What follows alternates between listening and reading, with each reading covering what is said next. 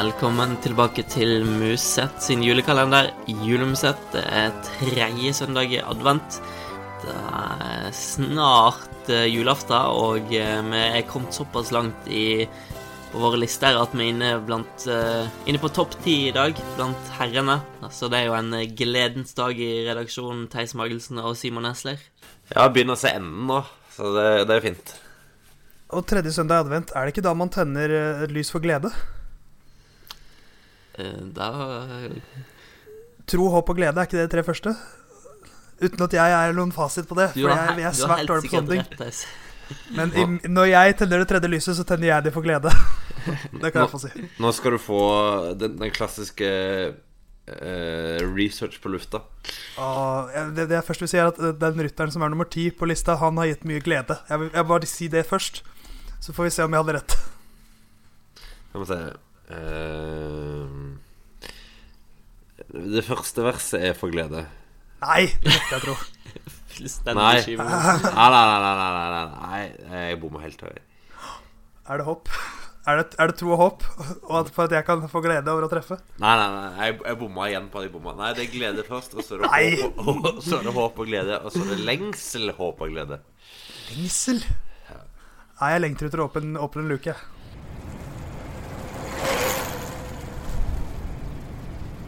Vi har altså kommet til eh, den tiende beste rytteren i 2019. Eh, Og det øyeblikket vi skal trekke frem i dag, er kanskje er helt der oppe blant de villeste øyeblikkene i 2019, i hvert fall. Eh, Fordi denne mannen Vi har jo blitt vant med å se at han leverer eksepsjonelle ting. Og når han i Amstel Gold Race går til med rundt 40 km igjen og angriper, eh, så tenker du litt sånn eh, OK, det her eh, Han er såpass spesiell at OK, det her er liksom This is it. Nå skjer det.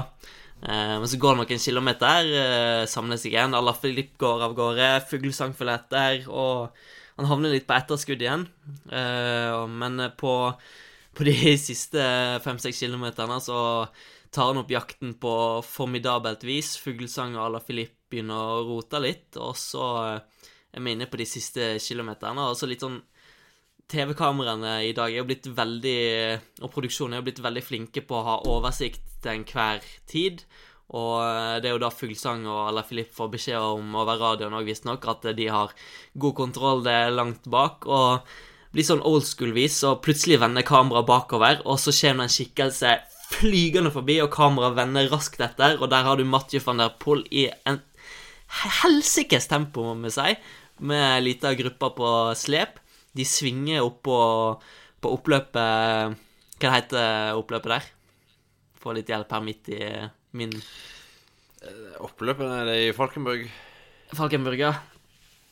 Og uh, kommer stadig nærmere og nærmere og nærmere. Og uh, Matti van der Poel han gjør det helt store og kommer forbi på de siste meterne og kan juble for en helt enorm Amstel-seier. Og den, det, et, av høy, et av de bildene jeg husker best fra årets sesong, er hvor han bare hvor Feiringen hans, hvor han bare rister litt sånn på hodet og bare Hva skjedde nå? Det er ikke den vanlige opp med armene og 'yes, jeg er best'. Det var mer sånn Selv for han så kunne han nesten ikke tro det, fordi de siste bare siste kilometeren der, hvor han får ingen hjelp fra noen i den gruppa. Alle bare, Han svinger fra side til side. De bare bukter bak ham som en sånn hale. Eh, og så er det Folsang som ikke vil dra Falla Filip til en nytt spurt. Altså bare blir det sånn vanvittig standup uh, der framme. Og så er det van der Poel som stjeler showet til slutt. Det, I samme ritt hvor han har gått på en sånn der eh, kamikaze-oppdrag tidligere Nei, det, det bare oppsummerer så mye med, med Mathieu van der Poel akkurat den siste kilometeren der. Ja, helt tullete, hele opplegget. Ja, han var riktignok Han fikk riktignok en liten hjelpende hånd, jeg tror med rundt 500-600 meter igjen. Da, var det, da, Ja. lå, da lå han litt eh, bak i vinden, men eh, han gjorde utvilsomt mesteparten av den jobben sjøl. og Nei, det, det er en avslutning som jeg tror du Du, du får sjelden se en, en, en sånn type avslutning på et, eh, på et dritt igjen. Eh, så dramaturgien i det hele var jo helt eh, perfekt. Jeg tror jeg var på en eh, buss i Dublin på vei inn fra flyplassen. eh, og jeg, jeg tror streamen min stoppa med én kilometer igjen. Det var nydelig. Da var Tasta frustrert. Ja, eh, så når, når den kom på igjen, så lå van der Poel igjen og uh, rista av eh, glede. Så det var en liten spoiler. Men vi må, jo, vi må jo snakke litt om resten av sesongen hans også. Uh, hvis, man, hvis man først skal strekke fram ett eller to ritt til, da, så er det jo nesten de rittene hvor han ikke vinner, som, uh, som jeg husker best. Jeg vil, jeg vil trekke fram Flandern rundt først, hvor han, uh, han velter på et ganske dårlig tidspunkt.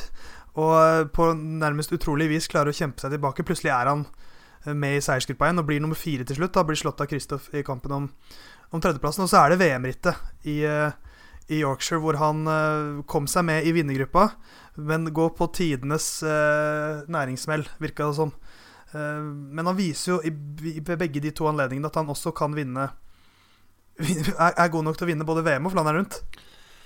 Ja, absolutt. Jeg tror vi skal sette det litt på ja, Kall det mangel av erfaring, egentlig. Han er jo ikke mer enn 24 år fremdeles. Sånn så er jo Flandern rundt, så var han f.eks. håpløst langt bak inn i Mufangeretsbergen og, og nærmest sist inn i Paterberg siste gang. Men han er jo blant de første over i, i begge tilfellene. Så klart, hvis han hadde vært bedre posisjonert ikke gått på denne litt unødvendige velten, eller punkteringa som gjorde at han velte, så hadde han jo sannsynligvis hatt mye mer krefter, og en ville tro at han kunne klart å følge Betty Holl for veldig mye unødvendig bruk av krefter underveis. Så det handler jo om å reindyrke han litt mer som landeveisrytter og få han litt mer inn på det sporet som gjør at han er i de posisjonene han, han må være litt oftere. Og da tror jeg han kan herje i Flandern rundt de neste årene.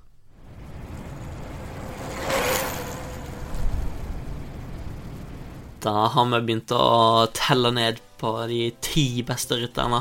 Og det er altså mange godbiter i vente nå den siste tida frem til og med julaften. Og husk å delta i vår konkurranse der du kan vinne ei Bioracer-sykkeltrøye til verdi av 1600 kroner. Del de topp tre-lista av de beste internasjonale sykkelrytterne i 2019 på Facebook, Twitter eller post at procycling.no. Så er du med i trekninga, og så er vi på plass med en ny luke i morgen.